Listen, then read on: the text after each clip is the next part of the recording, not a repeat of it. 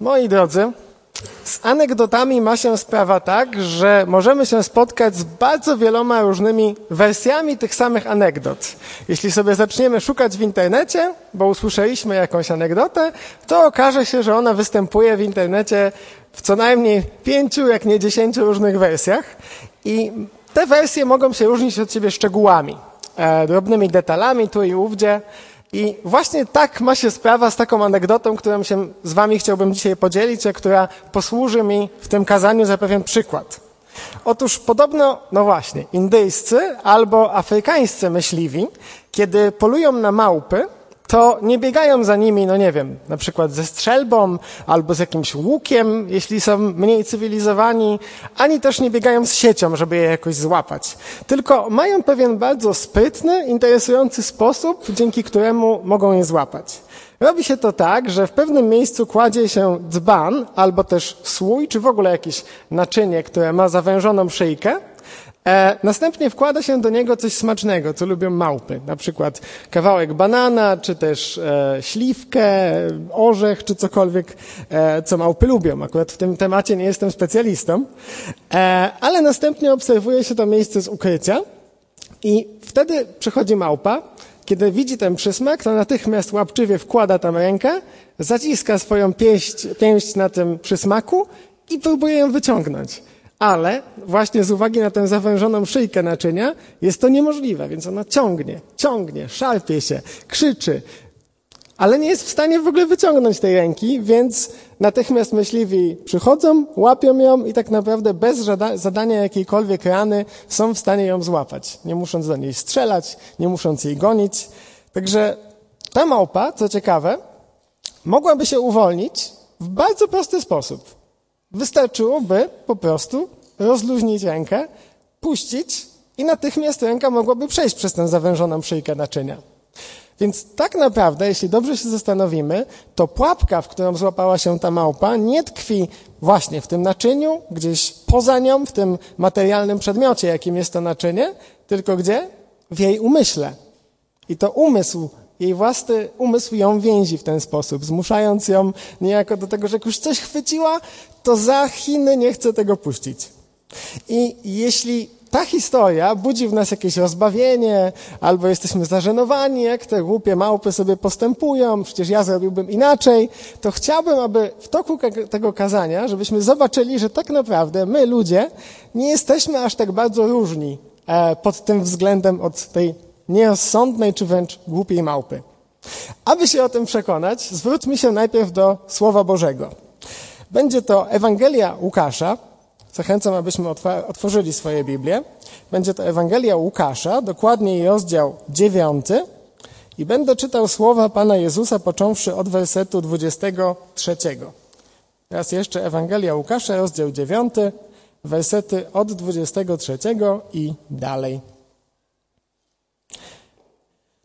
Następnie zwrócił się do wszystkich. Jeśli ktoś chce iść za mną, niech się wyrzeknie samego siebie, bierze swój krzyż na siebie codziennie i naśladuje mnie. Każdy bowiem, kto chciałby ocalić swoją duszę, utraci ją. Każdy zaś, kto utraci swoją duszę dla mnie, ocali ją. Bo cóż za korzyść odniósł człowiek, który zdobył cały świat, a siebie zgubił lub zatracił? Kto bowiem wstydzi się mnie i moich słów, tego i Syn Człowieczy będzie się wstydził, gdy przyjdzie w chwale swojej Ojca oraz świętych aniołów. Zapewniam was także, że pośród obecnych tutaj są również tacy, którzy zanim umrą, zobaczą Królestwo Boże.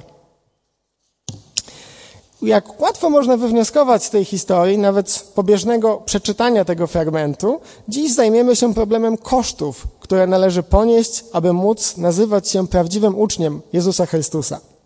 Jednocześnie jest to jedno z miejsc Ewangelii, które jest mi szczególnie drogie, jest mi szczególnie bliskie, dlatego że znajdujemy tutaj coś, co moim zdaniem jest jedną z cech rozpoznawczych wiary chrześcijańskiej, a jest tym paradoks. Weź swój krzyż, a będziesz żył. A przecież krzyż służy do zabijania, prawda?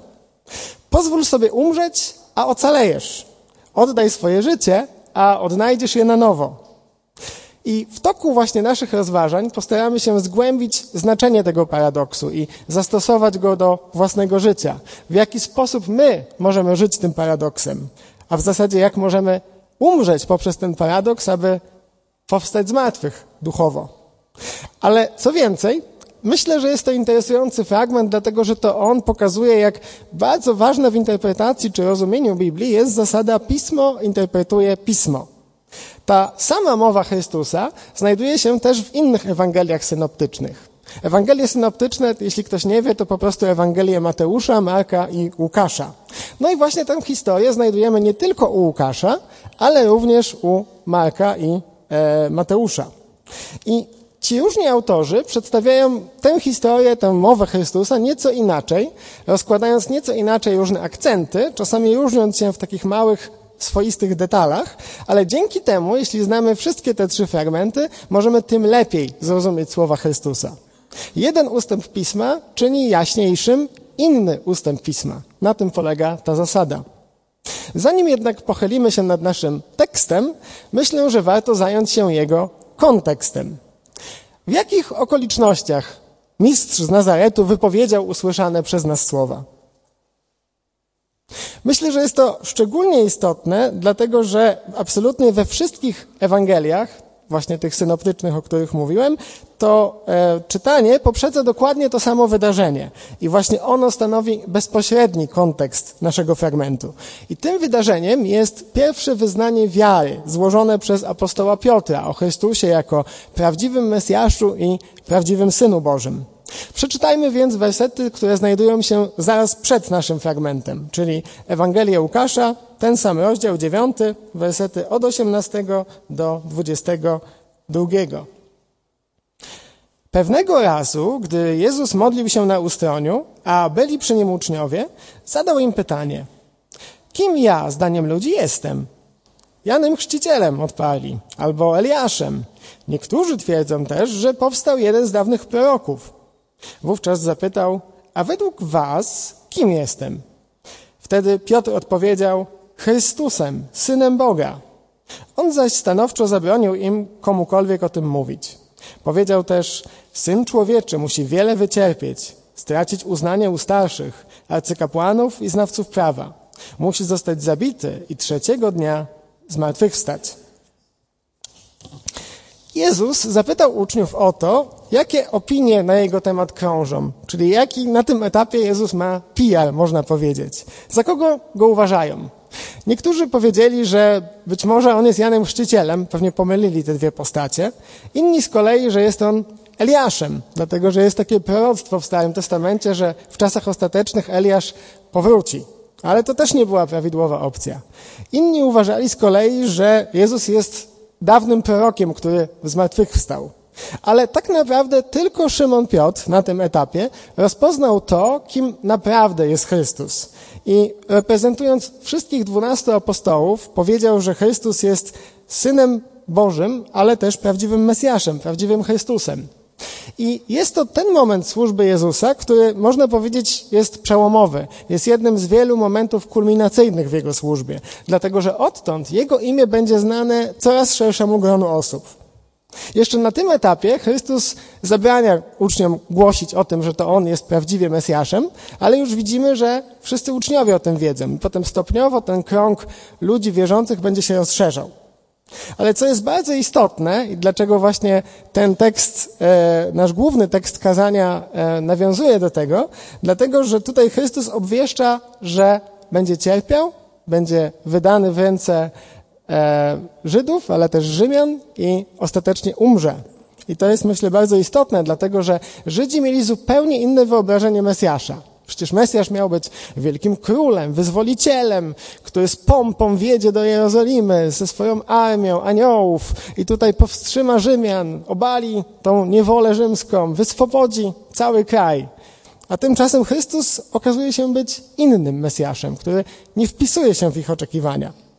Do tego stopnia się nie wpisuje, że jak pamiętamy Ewangelię Mateusza, e, mniej więcej ten sam tekst, to, ma, to e, Piotr wręcz tam się oburza na to, że Chrystus miałby umrzeć. No panie, no nie możemy do tego dopuścić, w żadnym razie. I tutaj Chrystus go e, ruga za to. Chrystus upomina go za to, że myśli o tym, co ludzkie, a nie o tym, co Boże.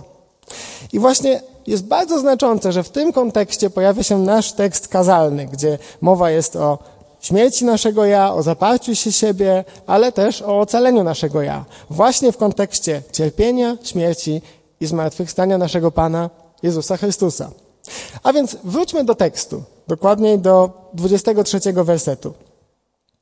Następnie zwrócił się do wszystkich. Jeśli ktoś chce iść za mną, niech się wyrzeknie samego siebie, bierze swój krzyż na siebie codziennie i naśladuje mnie. Kto jest odbiorcą tych słów? Spróbujmy zapytać. Inaczej mówiąc, do kogo Jezus się zwraca tutaj?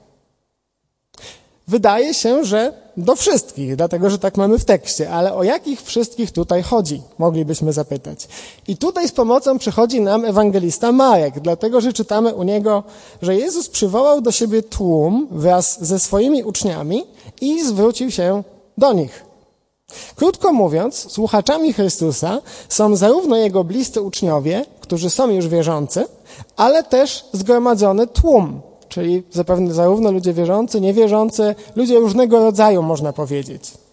Z jednej strony słuchają Chrystusa ci, którzy już poszli w Jego ślady, a z drugiej strony słuchają Go ci, którzy, no właśnie, albo mają okazję to zrobić, albo też niestety nigdy tego nie zrobią. Warto więc mieć na uwadze w kontekście tych okoliczności, w których się znajdujemy, że Chrystus kieruje te słowa zarówno do tych spośród nas, którzy już są wierzący, jak i do tych, którzy jeszcze się wahają, albo jeszcze nie są wierzący, albo nie wiedzą, co w ogóle z Chrystusem uczynić. Dobrze. W takim razie, co Jezus mówi do zarówno wierzących, jak i niewierzących? Jeśli ktoś chce iść za mną, niech się wyrzeknie samego siebie. Bierze swój krzyż na siebie codziennie i naśladuje mnie. Jeśli ktoś chce iść za mną, czyli jeśli chce być moim uczniem, albo jeśli chce być chrześcijaninem, to niech przygotuje się na te trzy rzeczy, które całkowicie zmienią jego życie. Pierwszą z nich jest co? Zaparcie się siebie. Drugą, wzięcie swojego krzyża. A trzecią z kolei naśladowanie Chrystusa. Ale tak naprawdę, jeśli byśmy się porządnie zastanowili, to wszystkie te trzy rzeczy sprowadzają się do jednego. To znaczy opisują tę samą rzeczywistość, która musi stać się udziałem zarówno tych, którzy dopiero chcą się stać uczniami Jezusa, jak i tych, którzy od dawna nimi są. W takim razie, czym jest to zaparcie się siebie, czy też wyparcie się siebie, czy jakkolwiek to jest przetłumaczone w różnych przekładach? Na pewno jest to pewne doświadczenie przełomu, które nie nastąpi, jeśli ty nie podejmiesz jednej, jednoznacznej, osobistej, świadomej decyzji, żeby to się wydarzyło. Chrystus podaje bardzo wysoką cenę za bycie uczniem Chrystusa. Dlatego, żeby nazywać się chrześcijaninem, trzeba ją ponieść. Jest to cena całkowitego zaparcia się siebie, całkowitej rezygnacji ze swojego ja. I ta świadoma rezygnacja mm, nie sprowadza się jedynie do wyrzeczenia się egoizmu, ale jest czymś więcej. Jest wyrzeczeniem się nawet swojego ego. Wszystkie, wszystko, czymkolwiek byłeś przed poznaniem Jezusa, wszystko, czym się zajmowałeś, wszystko, co było ci drogie, wszystkie miejsca, które odwiedziłeś, czy ważne role, które pełniłeś, i wszystkie znajomości i kontakty, które zawarłeś, to wszystko musisz złożyć u stóp swojego Pana i Zbawiciela, jako Jego własność. Ale to wyrzeknięcie się siebie nie ogranicza się jedynie do jakiegoś rozliczenia z przeszłością. Dotyczy też chwili obecnej, teraźniejszości. Wszystko, co teraz definiuje Twoją tożsamość, wszystko, w czym widzisz swoją wartość, wszystko, co nadaje Twojemu życiu sens, teraz, w teraźniejszości, wszystko to, zapierając się siebie, musisz złożyć ponownie u Jego stóp, oddać Mu wszystko to, aby to On zrobił z tym, co zechce. To samo dotyczy też przyszłości, jak można się domyśleć. Chrystus chce być władcą nie tylko Twojej przeszłości, teraźniejszości, ale też wszystkich Twoich pragnień, marzeń, planów, wszystkiego, co Cię czeka. I w tym momencie niektórzy z nas mogliby pomyśleć, wręcz z niepokojem czy oburzeniem można powiedzieć, ale na litość boską, za kogo on się ma, żeby żądać takich rzeczy? Kim on jest, żeby tak wysokie wymagania nam stawiać? I to pytanie mogłoby się wydawać nie na miejscu, ale sądzę, że jest bardzo na miejscu, dlatego że żądanie Chrystusa jest bardzo radykalne i byłoby niewłaściwe, gdyby był on kimkolwiek mniej niż prawdziwym, wcielonym Bogiem.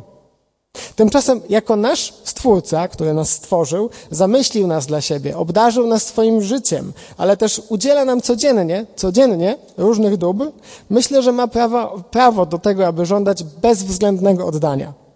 Niestety, my często mamy takie błędne wyobrażenie na temat tego, co to znaczy oddać Bogu wszystko.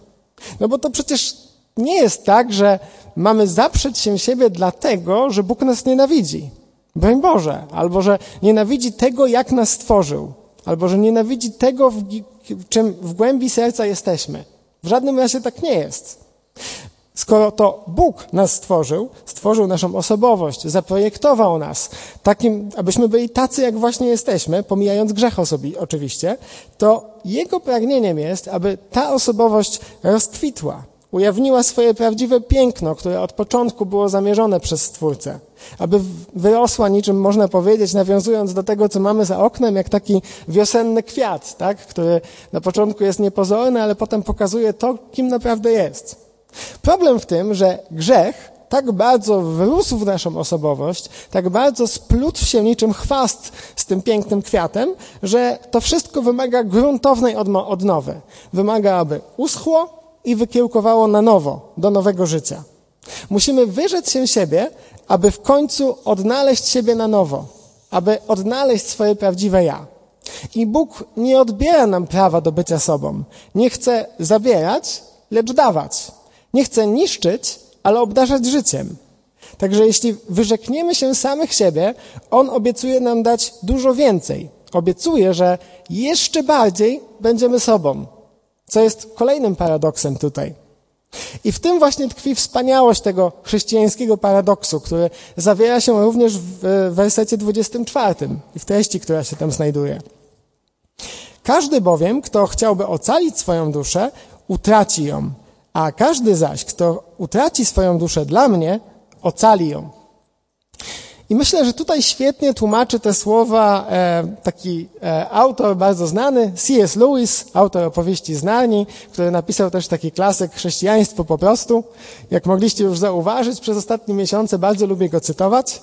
Posłuchajmy, co ma do powiedzenia. Słuchajmy się w ten cytat. Musi jednak nastąpić autentyczna rezygnacja z samego siebie. Trzeba samego siebie niejako odrzucić na oślep.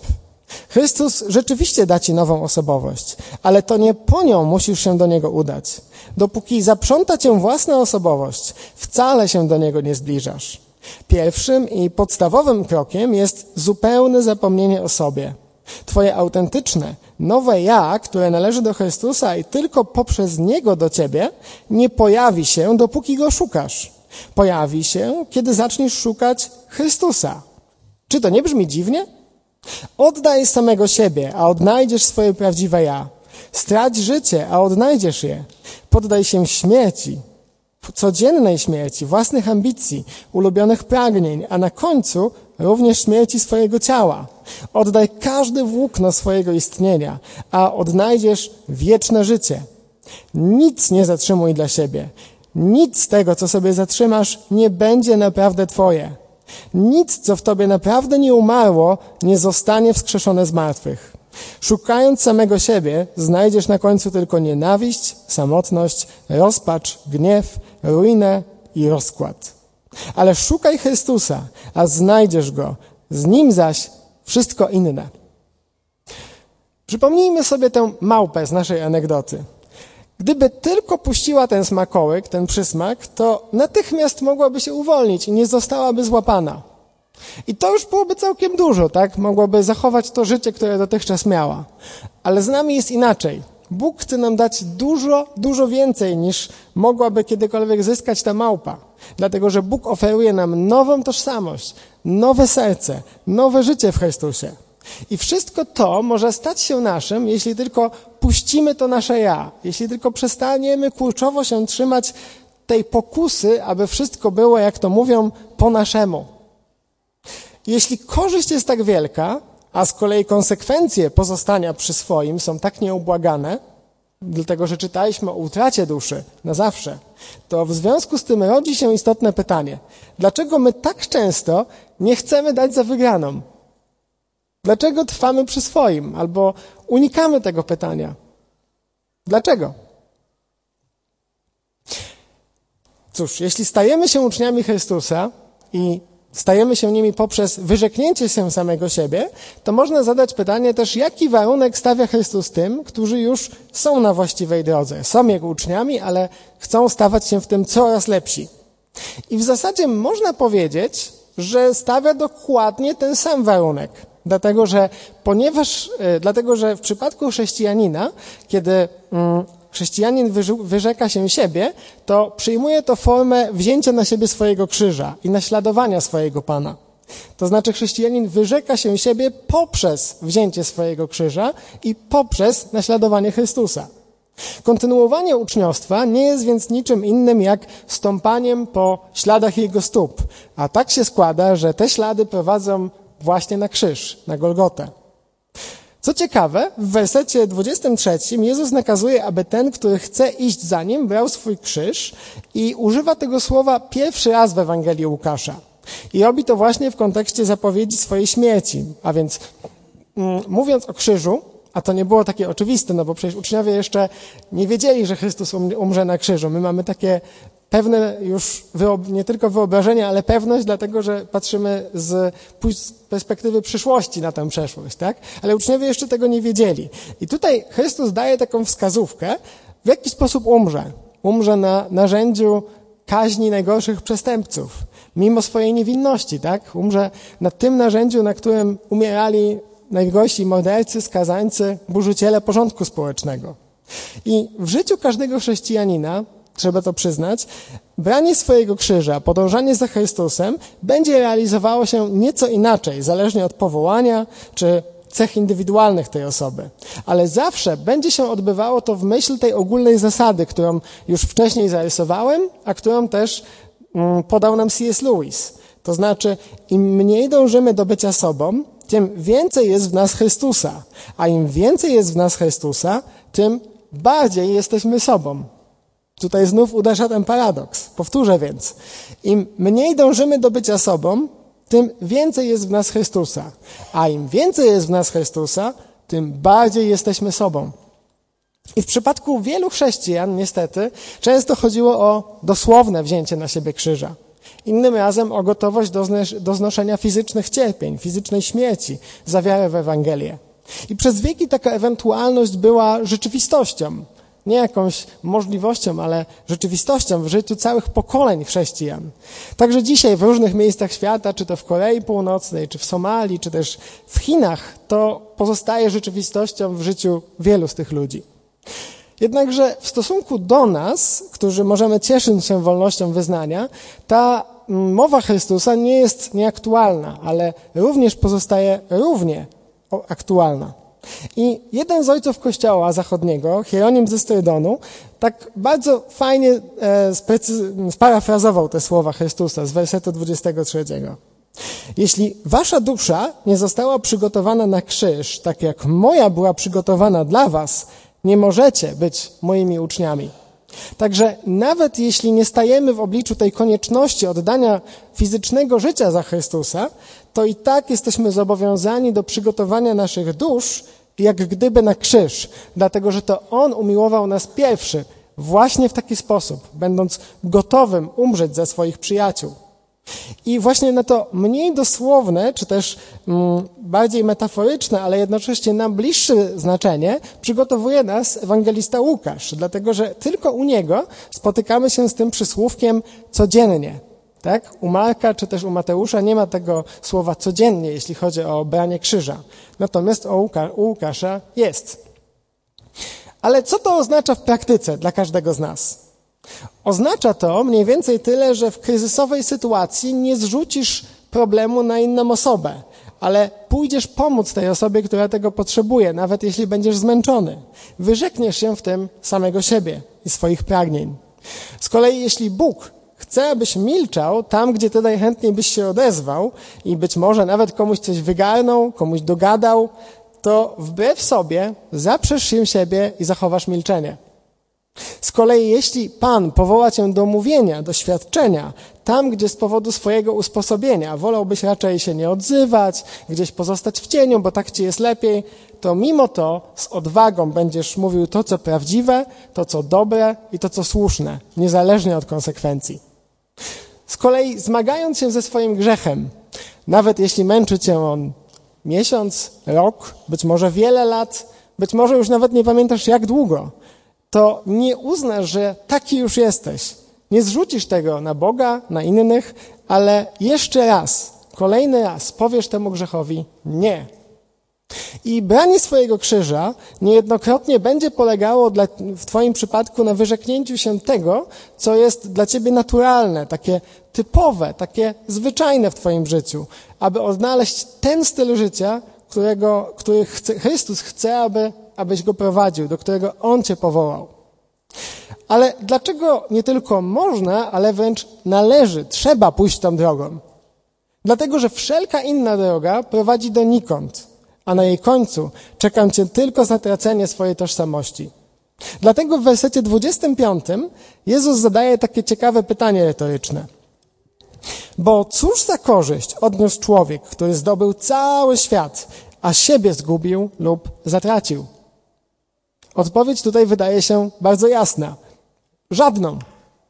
Każda z tych rzeczy doczesnego świata, choćby nawet największa, albo wszystkie razem wzięte ze sobą, sumowane, wszystkie są bezwartościowe w obliczu możliwości utraty samego siebie, w obliczu możliwości utraty swojego życia, swojej duszy. I dlatego też w tym miejscu Mateusz dodaje bardzo ciekawe pytanie retoryczne, kolejne, którego tutaj nie ma u Łukasza, albo co da człowiek w zamian za swoją duszę? Co da człowiek w zamian za swoją duszę? I tutaj znów odpowiedź brzmi oczywiście nic. Żadne pieniądze, posiadłości, kontakty, dobre uczynki, czy cokolwiek byśmy sobie tutaj nie wstawili, te rzeczy nie dorównają wartości nawet jednej duszy. I dlatego, że każdy posiada z nas tylko jedną duszę, jedno życie i ma tylko jedną szansę, aby ją zachować lub utracić. Jedno z dwóch. Fakt, że mowa tutaj o rzeczach ostatecznych, o sprawach najwyższej wagi, albo że gra się toczy o sprawy życia i śmierci, potwierdza też kolejne, czyli 26 werset. Kto bowiem wstydzi się mnie i moich słów, tego i Syn Człowieczy będzie się wstydził, gdy przyjdzie w chwale swojej Ojca oraz świętych aniołów, mówi Chrystus. I Jezus nawiązuje tutaj oczywiście do swojego powtórnego przyjścia, czy też do paruzji, kiedy powróci fizycznie na ziemię i zaprowadzi swoje królestwo. Określa samego siebie jako syna człowieczego. Nawiązuje tutaj oczywiście do postaci takiego boskiego króla, który, e, o którym czytamy w siódmym rozdziale Księgi Daniela, który przychodzi na obłokach, aby zaprowadzić swoje rządy, ale nie przychodzi sam, tylko przychodzi z orszakiem świętych aniołów, ze splendorem swojej chwały. I jest to taki moment sądu, moment próby, podczas którego ci, którzy zaparli się samych siebie, wzięli swój krzyż i poszli, poszli w ślady Chrystusa, będą ocaleni, a nawet wywyższeni. Natomiast ci, którzy mm, nie wypali się samego siebie, jak ta małpa nie chcieli puścić tego swojego ja, czy tego, co ukochali swojego grzechu i poszli własną drogą ku samostanowieniu, ku niezależności od Boga, oni okryją się wiecznym i nieodwracalnym wstydem. W związku z tym, kiedy mamy przed oczami tę perspektywę wieczności, perspektywę ostateczności, to tym bardziej szalonym pomysłem, wręcz szalonym pomysłem byłoby to kurczowe trzymanie się swojego pomysłu na samego siebie. Zamiast pozwolić, aby to Chrystus miał pomysł na ciebie, na mnie i na ciebie. A zapewniam, że pomysły Chrystusa na nas są dużo lepsze niż nasze. O niebo lepsze niż nasze. Czas zmierzyć się więc z ostatnim wersetem tego e, tekstu. I będzie tutaj, spotykamy taką tutaj bardzo ciekawą obietnicę, która często jest różnie interpretowana. Zapewniam Was także, jest to werset 27, pośród obecnych tutaj są również tacy, którzy zanim umrą, zobaczą Królestwo Boże. Nauczyciel zapewnia tutaj swoich odbiorców, że wśród nich są tacy, którzy nie umrą, dopóki nie zobaczą przychodzącego Królestwa Bożego. Hmm. No i z racji tego, że werset wcześniej była mowa o powtórnym przejściu Jezusa na ziemię, to co bardziej sceptyczni bibliści zaczęli uważać te słowa za bardzo jasny dowód, że Jezus się po prostu pomylił. Ich zdaniem był tylko apokaliptycznym prorokiem, takim jak wielu innych w Izraelu. Coś tam głosił, ale te obietnice się nie spełniły i, i tyle w zasadzie. Dlatego, że słuchacze Chrystusa dawno już nie żyją przecież, ci, którzy byli tam w pierwszym wieku razem z nim. A gdzie to królestwo? Jak go nie było, tak nie ma, można powiedzieć, patrząc powierzchownie. Ale wydaje się, że chodzi o to, o to o coś więcej, o coś dużo głębszego. Uważny czytelnik wszystkich Ewangelii, tak jak wspomniałem na początku, dostrzeże, że nie tylko u Łukasza, ale też u Mateusza i Marka jest to samo zapewnienie, że niektórzy spośród tych obecnych tam ujrzą Królestwo Boże. Ale wszystkie te Ewangelie łączy jeszcze jedna rzecz.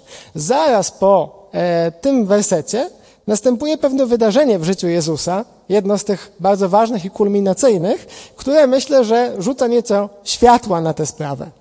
Przeczytajmy proszę więc kolejne wersety, zaczynając od wersetu 28 i dalej. I zapytajmy się w trakcie lektury, w jaki sposób nam wyjaśnia to kwestię Królestwa Bożego.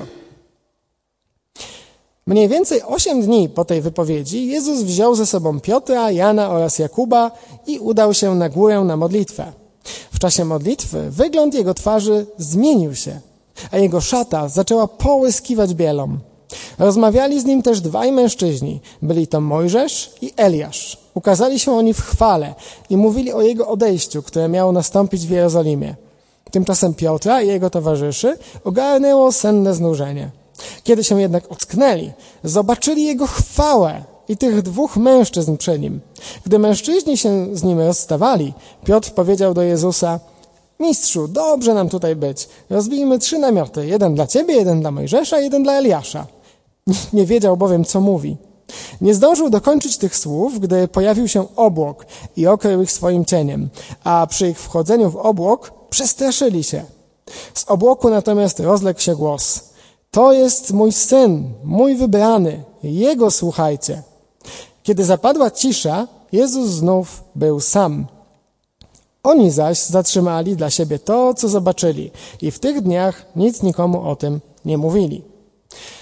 Na górze przemienienia, nazywanej niekiedy w tradycji górą Tabor, zobaczyli Chrystusa, Syna Bożego, w Jego chwale, w której, którą zawsze cieszył się w niebie. I musiał to być bardzo spektakularny widok, skoro wygląd Jego oblicza odmienił się, a szata Jego zaczęła być biała i lśniąca. W dodatku Mojżesz i Eliasz, czyli prawo i prorocy, można powiedzieć, ukazali się tam też w chwale. W końcu z obłoku przemówił sam Bóg Ojciec, także jego głos był słyszalny. I w jaki sposób, można zapytać, to doświadczenie nie mogłoby zostać utożsamione z zobaczeniem Królestwa Bożego? Co jeszcze musieliby zobaczyć uczniowie, żebyśmy mogli powiedzieć, że ujrzeli Królestwo Boże? Całym Nowym Testamencie, można powiedzieć, niczym taka nić ariadny przez labirynt, przewija się gdzieś ten motyw Królestwa Bożego, które z jednej strony nadeszło, już jest w wierzących, ale z drugiej strony ma się ono dopiero objawić, aby ukazać swoją pełnię, pełnię swojej chwały. Także mamy tu do czynienia z taką zasadą już, ale jeszcze nie. Więc z jednej strony to królestwo już jest, ale z drugiej strony to królestwo w pełni dopiero będzie.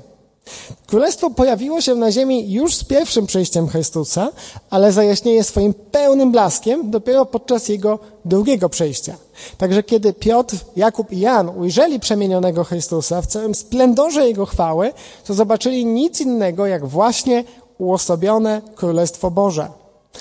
I właśnie do tego królestwa zaprasza Ciebie, Chrystus. Ciebie, mnie, wszystkich nas, którzy tutaj jesteśmy, ale też słuchamy online to właśnie do tego Chrystusa, do tego mm, królestwa Chrystus wskazuje nam drogę.